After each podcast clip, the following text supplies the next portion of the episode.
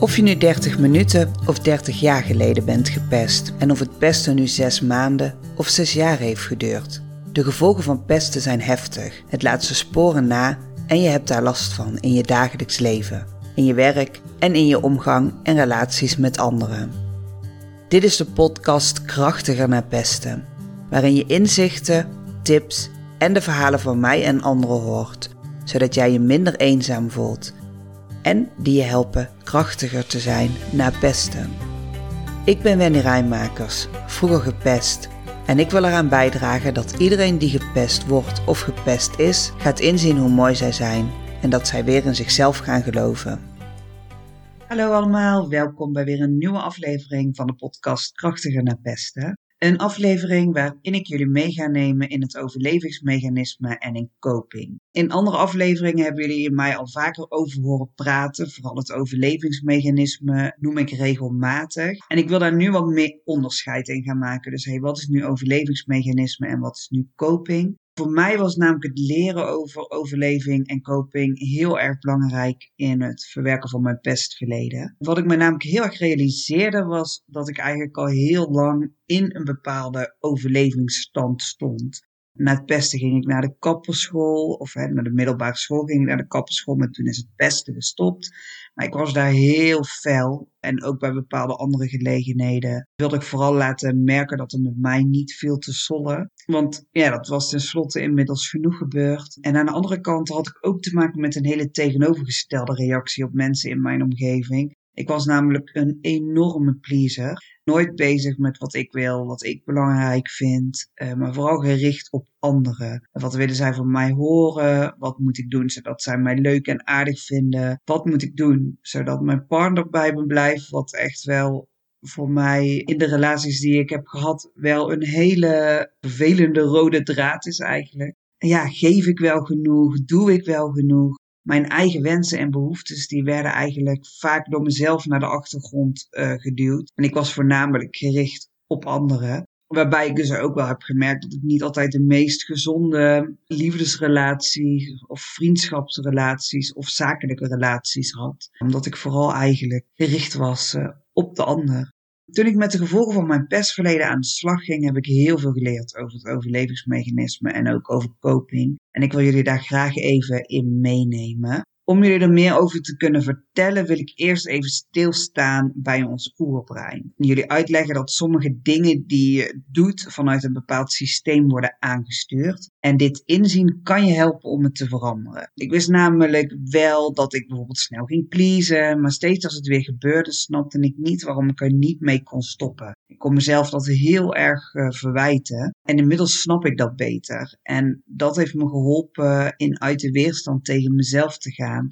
En mezelf beter te gaan begrijpen. En nou ja, dat is voor mij het begin geweest van verandering. Wat ik altijd nog even belangrijk vind om te zeggen is, nou ja, ik ben geen psycholoog, dus de informatie die ik met jullie deel is een gedeelte uit hoe ik het zelf heb ervaren en een gedeelte kennis die ik online heb vergaard. Vooral wat ik ook wil is jullie meenemen in hoe ik het heb geïnterpreteerd en hoe dat het voor mij is eh, geweest. Dus een beetje feiten en een beetje ervaringen die ik met jullie ga delen. Nou, dus we beginnen even met stilstaan bij het oerbrein, want wat wordt daar nou precies mee bedoeld? Die term wordt vaak gebruikt om te verwijzen naar de oudere delen van de hersenen, die zich in de loop van de menselijke evolutie hebben ontwikkeld en die betrokken zijn bij basale biologische functies en dus overlevingsmechanismen. Het is een informele term die soms wordt gebruikt om te beschrijven hoe ons brein is opgebouwd en hoe het functioneert. De belangrijkste componenten van het oerbrein omvatten de hersenstam, het meest primitieve deel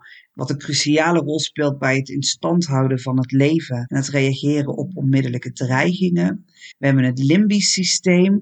Uh, dat is een groep structuren in de hersenen die betrokken zijn bij emoties, motivatie, leren en geheugen. Het speelt een centrale rol bij het verwerken van emoties en het reguleren van reacties op stress en beloning. En de basale ganglia, die zijn betrokken bij motorische controle, gewoontevorming en het reguleren van motivatie en het gedrag. Zij helpen ook bij het coördineren van bewegingen en acties. De term oerbrein is dus geen officiële term in de neurowetenschap. En Nou, de structuur en de functie van de hersenen zijn iets complexer dan hoe ik het nu even heel compact aan jullie uitleg. Maar voor deze aflevering is dat volgens mij gewoon voldoende om een beeld te hebben met: oké, we hebben dus eigenlijk een oerbrein die een rol speelt bij het in stand houden van ons leven, het reageren op dreiging, omgaan met emoties en het reguleren van de motivatie en gedrag. Dus ben je ervan bewust dat we een bepaald oerbrein hebben wat sommige dingen aanstuurt, ja, wat gewoon eigenlijk biologisch geregeld is. En hoe werkt dat oerbrein dan eigenlijk bij gevaar? Het oerbrein verwijst dus naar de primitieve delen van onze hersenen, die evolutionair gezien ouder zijn en betrokken zijn bij de basisfuncties en de overleving. Dus deze delen van de hersenen die spelen een cruciale rol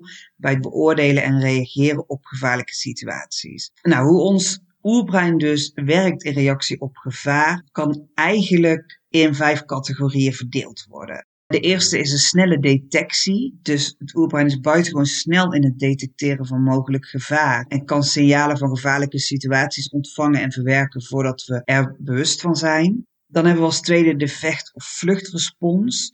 Dus als het oerbrein een gevaar signaleert, kan het de vecht- of vluchtrespons activeren. En die reactie helpt ons om snel te reageren op gevaar. Door te beslissen of we moeten vechten of moeten vluchten. Dus moeten ontsnappen aan de situatie. Vermijden en waakzaamheid is de derde, want het oerbrein kan ons gedrag sturen om gevaar te vermijden. Dat kan leiden tot instinctieve reacties, zoals wegrennen van een roofdier of het vermijden van potentieel gevaarlijke situaties. Dus het oerbrein houdt ons waakzaam voor potentiële bedreigingen, wat ook nuttig kan zijn om toekomstig gevaar te voorkomen. Dan hebben we de emotionele reacties. Nou, ik gaf net al aan, het limbisch systeem is betrokken bij emotionele verwerking en bij gevaarlijke situaties kunnen sterke emoties zoals angst, woede en paniek optreden als reactie op de dreiging. Deze emoties kunnen onze reacties op gevaar beïnvloeden en ons aansporen om snel te handelen. En dan hebben we als laatste leren en geheugen. Want het oerbrein is ook betrokken bij het onthouden van die gevaarlijke situaties en het vormen van herinneringen van deze gebeurtenissen. En dat helpt om in de toekomst beter om te gaan met vergelijkbare gevaren. Het oerbrein heeft dus als doel om onze overleving te waarborgen en heeft daarom mechanismen ontwikkeld om snel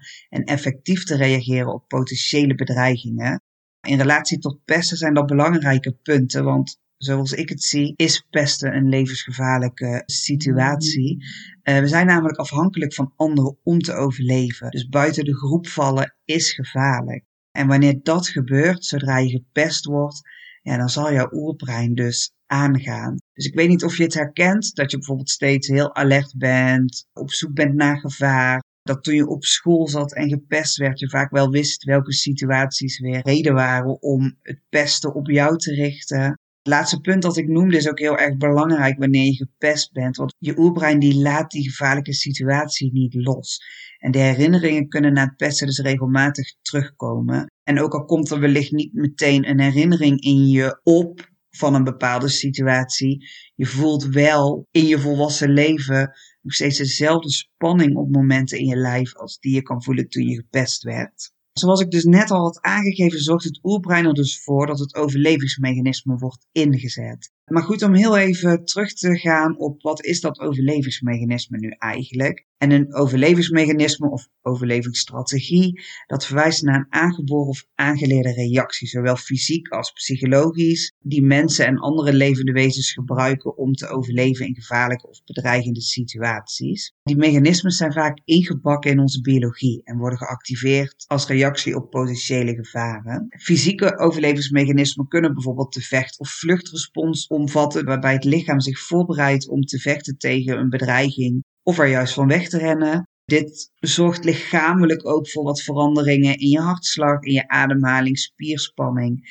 en de afgifte van stresshormonen zoals adrenaline. Sommige mensen of situaties zorgen er echter niet voor dat je gaat vechten of vluchten, maar juist dat je bevriest. Inmiddels is aan dat vechten, vluchten en bevriezen ook pleasen toegevoegd. Het ligt eigenlijk altijd een beetje aan de persoon en de situatie hoe iemand op een gevaarlijk moment uh, reageert. Maar uit recent onderzoek blijkt dat de bekende vecht- of vluchtreactie eigenlijk vooral bij mannen voorkomt. En dat vrouwen die de kracht missen om te vechten of geen mogelijkheid hebben om in een stressvolle situatie te vluchten, iets anders gaan doen. Ja, datgene Dat heb ik natuurlijk al best wel vaak in mijn podcast genoemd. Dat wordt ook wel tent en befriend genoemd. Dus verzorgen en vrienden worden. Oftewel dus het pleasen, het plezieren en behagen van anderen. Vrouwen kijken vaker of ze degene die hen bedreigt tot vreedzaam gedrag kunnen aanzetten. Dus van nature is dat ook wel te verklaren, aangezien wij vrouwen moesten zorgen voor de kinderen,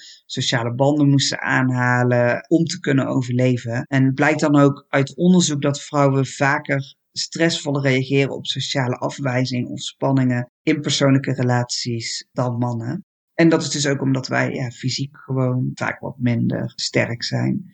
Nou, voor mij is dat wel heel erg herkenbaar. Ik heb me namelijk best wel vaak bij mezelf over verbaasd hoe hard ik mijn best ging doen voor iemand die dat eigenlijk niet waard was. Daarmee bedoel ik iemand die helemaal niet goed of aardig voor mij was, die heel gemeen of vervelend tegen mij deed. En ik ging alleen maar harder voor die persoon lopen. Een voorbeeld daarvan is bijvoorbeeld mijn ex-schoonvader. Die man die bleef mij eigenlijk maar afwijzen of bekritiseren. En ik ging alleen maar harder werken voor zijn eh, goedkeuring. Die ik overigens nooit heb gekregen. Dus een beetje zonde van alle energie. Psychologische overlevingsmechanismen die hebben betrekking op de manieren waarop mensen omgaan met psychische stress en bedreigingen voor het emotionele welzijn. En deze mechanismen kunnen bijvoorbeeld uh, ontkenning betekenen. Dus het ontkennen van de realiteit van de bedreigende situatie en de emotionele impact ervan te verminderen. Voor mij heel erkenbaar, want ik heb jaren gezegd dat pesten. Nou, dat heeft op mij geen invloed gehad hoor. Ik had buiten, de klas gewoon heel veel vriendinnen, dus heeft mij helemaal niet uh, geraakt. Nou ja, jullie hebben inmiddels wel begrepen, niks is minder waar dan dat. Je hebt ook rationalisatie, dus het verzinnen van redenen of excuses om een stressvolle gebeurtenis te rechtvaardigen of te minimaliseren. Ik herken dat ook wel uit mijn liefdesrelaties. Eh, dat dan zij iets deden wat niet oké was. En dat ik dan altijd dacht: oh ja, maar dit is ook moeilijk voor jou. Of jij vindt het ook lastig. Of oh, maar ik ben ook eigenlijk op dit moment niet leuk genoeg voor jou. Dus dat je eigenlijk redenen en excuses verzint om het te rechtvaardigen. Uh, je hebt projectie, best wel een bekende, het toeschrijven van eigen negatieve gevoelens, gedachten of eigenschappen aan anderen om jezelf te beschermen. Ja, en om dus ook misschien niet altijd even naar jezelf te hoeven kijken als dat pijnlijk is. En we hebben vermijding, dus het vermijden van situaties of emoties die als bedreigend worden ervaren. Uh, en inperking, het beperken van aandacht voor of betrokkenheid bij stressvolle informatie of gevoelens. Hoe ik het vaak ook uitleg richting mijn klanten is dat het overlevingsmechanisme jou geholpen heeft toen je gepest werd. Het pesten is er misschien niet mee gestopt, maar het heeft je wel in leven gehouden, want je bent er nog steeds. En dat overlevingsmechanisme loslaten is daarom gewoon echt doodeng. Want wat gebeurt er als je dat doet? Ook al ben je nu soms misschien niet blij met je leven of hoe je reageert op anderen, je hebt er wel jouw eigen veilige bubbel mee gecreëerd. En het kan echt heel spannend zijn om die los te laten. Want je kan niet goed overzien wat die gevolgen dan zijn.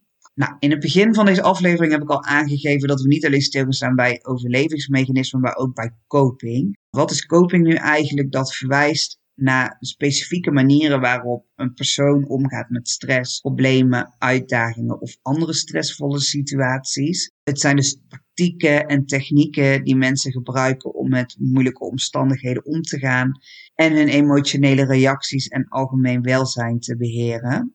Copingstrategieën kunnen variëren van persoon tot persoon en eigenlijk kunnen we die in twee hoofdcategorieën indelen. Dus we hebben probleemgerichte coping en emotiegerichte coping. Waarbij je bij probleemgerichte coping eigenlijk actief probeert de bron van de stress of het probleem zelf aan te pakken. Dus dat omvat probleemoplossende strategieën waarbij je gaat zoeken naar informatie uh, of ondersteuning en directe acties om de situatie te verbeteren. En bij de emotiegerichte coping, daar ligt de nadruk op het beheersen van de emotionele reacties op stress in plaats van op het oplossen van de onderliggende problemen. Voorbeelden van emotiegerichte coping kunnen ontspanningstechnieken zijn, meditatie, zoeken naar emotionele steun bij anderen, om tijdelijk de aandacht af te leiden van de stressor. Uh, mensen gebruiken vaak een combinatie van probleemgerichte en emotiegerichte coping, afhankelijk van de aard van de stressor en de persoonlijke voorkeuren en middelen. En de effectiviteit van de copingstrategieën, ja, die kan variëren van persoon tot persoon. Wat voor de ene persoon werkt, werkt mogelijk weer even niet voor de andere. De adaptieve copingstrategieën kunnen mensen helpen stress te beheersen en hun psychologische welzijn te handhaven, terwijl de niet-adaptieve copingstrategieën bijdragen aan verdere stress of op de lange termijn negatieve gevolgen kunnen hebben. Dus het is belangrijk om eigenlijk gezonde, we noemen het ook adaptief, maar gezonde copingstrategieën te ontwikkelen om effectief met stress en uitdagingen om te gaan.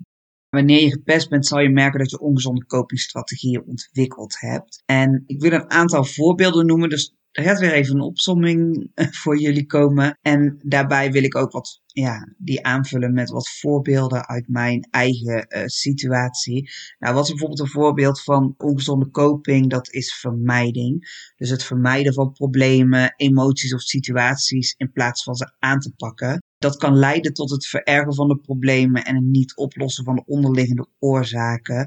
Dus je herkent het misschien wel. Je vermijdt het volle terras. Gaat liever niet naar feestjes waar veel mensen zijn. Gaat liever niet op een date omdat je bang bent dat de ander je toch niet leuk vindt. Dus je houdt daarin eigenlijk een beetje afstand. Onderdrukking of ontkenning, dus het onderdrukken van emoties, gedachten of problemen in plaats van ze te uiten of aan te pakken. Dat kan leiden tot opgekropte emoties en stress. En vaak hebben we deze niet eens door. Uh, onlangs had ik een klant en ik was met haar bezig in het werkboek dat ik aan mijn klanten meegeef. En we gingen inzoomen op de emoties angst, boosheid en verdriet. En zij gaf aan dat zij nooit bang is. Ze wist dus niet hoe ze naar angst moest gaan en moest omschrijven wat angst lichamelijk ook bijvoorbeeld bij haar deed. Terwijl angst eigenlijk een hele natuurlijke reactie is die we allemaal wel eens hebben. Of het nou is voor spinnen, of voor vliegen in een vliegtuig, of voor afwijzing, wat dan ook. bij haar zat het dus eigenlijk ook zo diep, was het zo onderdrukt, dat zij daar gewoon niet bij kon. En ik geloof dat die onderdrukking of ontkenning van emoties gewoon echt in je lijf gaat zitten. En dat je daardoor uh, lichamelijke klachten krijgt. En ik geloof dat niet alleen, maar ja, daar zijn ook wel de nodige onderzoeken over geweest. Wat ook nog een vorm is van uh, coping, of kan zijn, is overmatig gebruik van alcohol of drugs. Of andere verslavende stoffen als een manier om met stress om te gaan. Wat dus vervolgens kan leiden tot verslaving en bijkomende gezondheidsproblemen. En maar wat vaak ook gewoon wordt ingezet als een verdoving.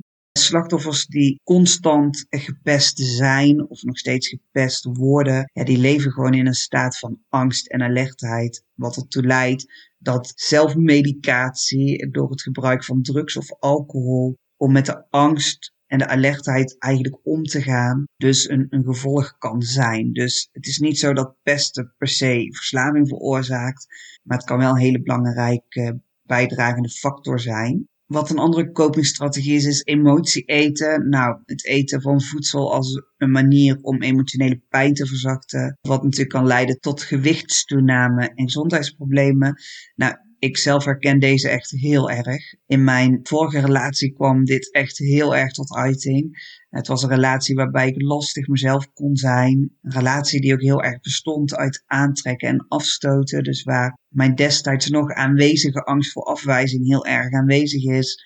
Hij kon op bepaalde momenten heel lief zijn en me op handen dragen. En op andere momenten duwde hij mij juist weg. En de emotionele onveiligheid die daar ontstond, ja, die zorgde ervoor dat ik veel ging pleasen en mij steeds aan het aanpassen was aan hem. Ik was alleen maar bezig met alles goed te doen voor hem en hem gelukkig te maken en ik vergat mezelf daar helemaal in. Nou ja, wat ging ik dan doen op de dagen dat we elkaar niet zagen? Dan ging ik eten. En niet gezond, een komkommer of zo. Maar alles wat je kan bedenken wat slecht is. En ik zag de troost niet in eten tijdens het pesten, maar juist toen het pesten gestopt was. Dus ik merk dat ik eigenlijk vanaf mijn achttiende een beetje met mijn gewicht en met eten aan het uh, worstelen ben. Elke vorm van onveiligheid, stress, afwijzing, angst of welke vervelende emotie dan ook. Ja, ik loste dat allemaal op met eten. En moet je zeggen, nu ik dat niet meer zo heb, kan ik echt nog steeds heel trots op mezelf zijn wanneer ik een stressvolle periode heb en toch niet uh, ben gaan eten met afvallen, ja, ben ik nog bezig. Dus ik ben echt nog, uh, de naweeën zijn er nog van te zien. Maar ik merk wel dat ik die verandering heb doorgemaakt. En dat nu juist dit voor mij een hele belangrijke graadmeter is. Want wanneer ik ineens een hele ernstige behoefte heb aan chips of friet of chocola of wat dan ook in die richting. ja, dan heb ik ergens, ben ik ergens heel erg over mijn grenzen gegaan. Heb ik iemand anders over mijn grenzen laten gaan? Of ben ik in een, ja, voor mij onveilige situatie geweest. En hè, dat hoeft niet eens per se onveilig te zijn als leven of dood, maar kan ook een sociaal onveilige situatie zijn.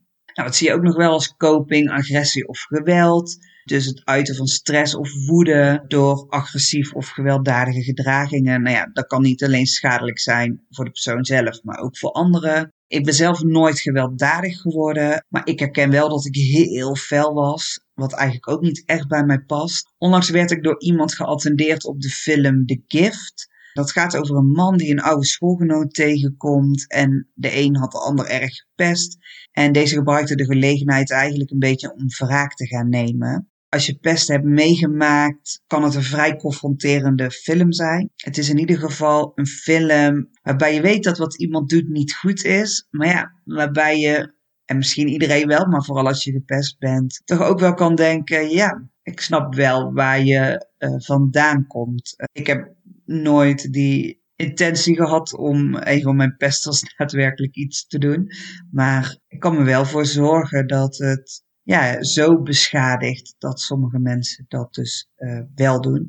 Daarmee praat ik het niet goed, kan ik me wel voorstellen. Wat nog een punt is, en nou, dat is ook wel een hele ongezonde coping, ja, dat is zelfbeschadiging. Dus dat je zelf lichamelijk letsel toebrengt aan jezelf als een manier om met emotionele pijn om te gaan. Nou, dat is natuurlijk een hele schadelijke copingstrategie. Uh, die kan leiden tot ernstige verwondingen en ook psychische problemen. Ik herken deze niet bij mezelf, maar hebben wel van anderen gehoord die gepest zijn, omdat die zelfbeschadiging een vorm van controle is over de inwendige pijn die iemand heeft. Dus als je jezelf lichamelijk pijn doet, leidt dat af van de inwendige emotionele pijn die je voelt. Nou, nog een copingstrategie die voor sommigen ook heel vermoeiend kan zijn, is perfectionisme. Dus dat je obsessief aan het streven bent naar perfectie als een manier om stress te vermijden. Dat kan zorgen voor stress, angst, een laag zelfbeeld. Maar ook dat je heel veel energie verliest aan steeds alles maar extreem goed te moeten doen. Uh, iets wat ik bij bijna al mijn klanten zie, van mezelf ook herken. Je mag geen fouten maken en wil eigenlijk altijd daar controle op houden. Waarbij je de lat ook heel hoog legt voor jezelf. Want als je een fout maakt, ja, dan wordt het onveilig. Dus wil je eigenlijk alles perfect doen, zodat niemand er iets van kan vinden of kan zeggen. Nou ja, en op de laatste plek vermijding van professionele hulp. Dus het weigeren van hulp te zoeken bij ernstige problemen. Nou, dat kan leiden tot het verergen van de psychische aandoeningen en het uitstellen van de juiste behandeling. Ook dit hebben bij een paar mensen die zich bij Wendingen, mijn bedrijf, gemeld hebben gezien. Want eigenlijk weten ze dat het overlevingsmechanisme en de coping die zij inzetten niet meer werkt. Al zullen mensen dat niet in deze bewoording zo benoemen. Eh, maar zij merken vast te lopen op dingen in het leven. Maar toch is het in stand houden veilig. En ik weet niet of jij dat herkent, dat je ergens ziet dat er iets mag veranderen bij jezelf, maar dat je het toch in stand blijft houden. Begin eens met jezelf dan af te vragen wat het je oplevert om het gedrag in stand te houden. En dat klinkt in eerste instantie misschien als een gekke vraag, maar denk er toch eens heel even goed over na, want deze vraag kunnen beantwoorden kan namelijk de eerste stap naar verandering zijn. Nou, ik heb het dus met jullie gehad over overlevingsmechanismen en over coping. En ik wil nog even kort voor jullie samenvatten wat het nu daadwerkelijk het verschil tussen beide is. En het verschil tussen coping en overleving ligt vooral in hun doelen en toepassingen. Dus copingstrategieën zijn gericht op het omgaan met stress, uitdagingen en moeilijke situaties in het dagelijks leven. Zij hebben tot doel het beheer van emotionele reacties, stressvermindering en het vinden van manieren om beter om te gaan met problemen. En zij kunnen zowel probleemgericht zijn als emotiegericht. De overlevingsstrategieën die hebben betrekking op aangeboren of aangeleerde reacties op directe bedreigingen voor fysieke veiligheid en overleving. En die zijn primair gericht op het overleven in noodsituaties en omvatten ook vaak fysieke reacties. Overlevingsstrategieën zijn dus over het algemeen niet bedoeld voor dagelijkse stress of emotionele uitdagingen, maar meer gericht op het snel reageren op een acute gevaarlijke uh, situatie. Kortom, copingstrategieën hebben betrekking op de manieren waarop mensen omgaan met algemene stress en moeilijkheden in het dagelijks leven, terwijl overlevingsstrategieën zich richten op de fysieke reacties en gedragingen die nodig zijn om te overleven in noodsituaties. Nou, de relatie tussen deze twee concepten is dat sommige kopingsstrategieën kunnen worden geactiveerd als reactie op het overlevingsmechanisme. Wanneer mensen worden geconfronteerd met ernstige bedreigingen. Nou, het kan een acute noodsituatie zoals een ongeluk zijn, waarbij dan de eerste reactie vechten of vluchten de overlevingsmechanisme is. En na het overleven van de acute dreiging kunnen mensen vervolgens een copingstrategie gebruiken om de emotionele impact van de gebeurtenis te beheren en om te gaan met de nasleep ervan. Het kan best wel moeilijk zijn om die ongezonde uh, copingstrategieën ook los te laten. Uh, maar het is wel een belangrijke stap naar een gezonder en meer veerkrachtig leven. En wat ik ook altijd zeg bij wendingen, goh, pak de regie over je leven terug. En ja, de regie over je leven terugpakken heeft onder andere ook te maken met ongezonde copingstrategieën uh, loslaten. Enkele stappen die je kan overwegen om ongezonde copingstrategieën achter je te laten en gezondere alternatieven te ontwikkelen, is op de eerste plaats zelfbewustzijn. Dus beginnen met het herkennen en begrijpen van de ongezonde copingstrategieën die je gebruikt. Dit kan onder meer het identificeren van situaties zijn waar je toevlucht neemt tot deze strategieën en de emoties die ermee gepaard gaan. Het is goed om triggers te identificeren. En dus probeer te achterhalen wat de triggers zijn die je aanzetten tot die ongezonde coping. Nou ja, ik heb hem net natuurlijk al genoemd in het geval van eten. Ja, wat zorgt ervoor dat ik ga eten? Zoek professionele hulp als je merkt dat de ongezonde copingstrategieën je toch wel heel erg in de weg zitten. Leer gezonde copingstrategieën. Nou ja, onderzoek gezonde manieren om met stress om te gaan. Nou, voor mij is het nu dus bijvoorbeeld zo dat ik dan met mijn hond ga wandelen in plaats van dat ik ga eten. Vervang ongezonde gewoontes. Nou, dat is eigenlijk een beetje hetzelfde. Hè? Lekker een stuk gaan wandelen. Een ondersteunend netwerk is heel erg belangrijk. Dus zoek steun bij vrienden, familieleden, steungroepen. Deel je doelen om ongezonde copingstrategieën los te laten en vraag gewoon om hulp en aanmoediging aan anderen. Oefen ook met geduld en zelfcompassie. Dus het kan wel tijd kosten om ongezonde kopingsgewoonten eh, te doorbreken. Dus wees geduldig met jezelf en wees bereid om af en toe terug te vallen.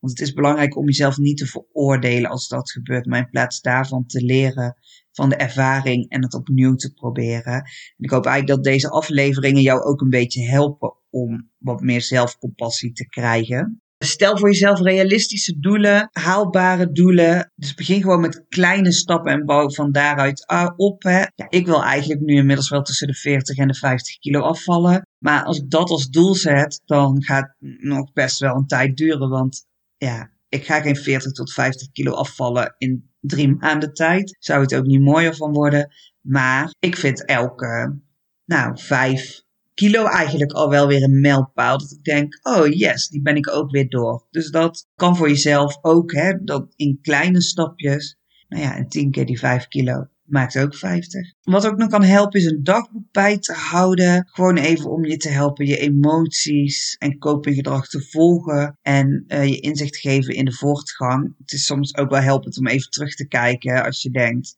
nou, die kleine stapjes, ik leer niks. Kijk dan eens terug hoe je er een half jaar uh, geleden bij zat. En dat, ja, dat kan helpen als je dat hebt opgeschreven. En beloon jezelf. Dus geef jezelf ook beloningen voor het bereiken van mijlpalen en het succesvol toepassen van gezonde copingstrategieën. En bedenk voor jezelf ook, nou, wat is belonen? Voor mij was vroeger eten ook belonen, maar dat doe ik nu niet meer. Dus ik ga iets anders doen een keertje naar de sauna. Of ik ga lekker boeken lezen, wat voor mij ook echt wel een beloning is. Ja, dus bedenk voor jezelf eens van, hé, hey, wat zijn nou beloningen die jij jezelf kan geven, die dus wel gezond zijn? En het is gewoon een proces. Het loslaten van ongezonde koopstrategie is gewoon een proces wat tijd en inspanning van je vraagt. En wat heel belangrijk is, is dat je kijkt wie in jouw omgeving is er waar je op zou kunnen bouwen als je hiermee aan de slag gaat. En ik vind dat altijd heel erg belangrijk dat mijn klanten een vangnet hebben waar ze bij terecht kunnen. En maar vooral dat zij op het punt zijn dat ze met hun omgeving, al is het maar met één of twee personen, over het pestverleden kunnen praten. En ook over het traject dat ze in dat geval bij mij zijn gaan volgen. Want wanneer dat nog niet gebeurt, dan is er nog te veel weerstand en angst op die verandering. Ja, en dan zal daar eerst aan gewerkt uh, moeten worden. Klinkt nu heel gemakkelijk, maar als het onveilig voelt om hier met anderen over te praten, ja, dan houd je het dus gewoon voor jezelf. En de schaamte die nog zit op gepest zijn, uh, de taboe die er toch nog op rust, ja, die is eigenlijk nog best wel groot. Ik herken dat zelf ook, nu niet meer, maar voorheen wel. Ik was altijd bang dat als ik iemand vertelde dat ik gepest was, dat ze zouden zeggen: Ja, dat snap ik wel. En het dan vervolgens ook gingen doen. Een tijdje terug sprak ik een meisje die bij mij op de middelbare school had gezeten. En we zaten allebei in een andere klas, maar in de pauzes zochten we elkaar met een paar meiden altijd op. En zij vertelde mij posts te zien over pesten en wist niet dat ik ook gepest werd. En toen realiseerde ik me eigenlijk van, goh, wij waren een groepje meiden uit verschillende klassen die bij elkaar zaten in de pauze. Het kan niet anders dat wij allemaal gepest werden, want anders hadden we wel bij onze eigen klasgenoten gezeten. Maar toch werd er niet over gesproken. Dus wij zochten de steun ook niet bij elkaar. En zo groot is de schaamte dus op pesten, dat zelfs als je gepest wordt en je andere mensen ontmoet, die wellicht ook gepest worden, waarvan de kans groot is dat die op dat moment ook gepest worden, dat je er toch samen niet over praat. Het moet natuurlijk wel veilig voelen om erover te praten, want als je gepest wordt of gepest bent, ja, dan is onveiligheid eigenlijk best wel een grote drijfveer om bepaald gedrag dat je jezelf eigen hebt gemaakt aan te houden. Daarom ga ik in de volgende aflevering jullie meer uitleg geven over veiligheid en het gericht zijn op anderen. Uh, voor nu wil ik jullie heel erg bedanken voor het luisteren en wil je hierop reageren, mail mij gerust naar info.wendyrijnmakers.nl Ik hoop dat deze aflevering jou verder helpt. Dat het je meer inzicht geeft in wat je pestverleden met je doet en hoe je daar zelf iets mee kan. Ben je er klaar voor om de volgende stap te zetten? Om los te komen van jouw overlevingsmechanisme, dat is ingegeven door het pesten en dat zoveel facetten in je leven beïnvloedt. Stuur me dan een mailtje op info.wendyrijmakers.nl Wil je liever eerst wat meer lezen over wat je kan bereiken en over mij? Dat kan op www.wendyrijmakers.nl Dankjewel voor het luisteren en tot de volgende keer. En vergeet niet, ook jij mag er zijn. Jouw aanwezigheid maakt de wereld een stuk mooier.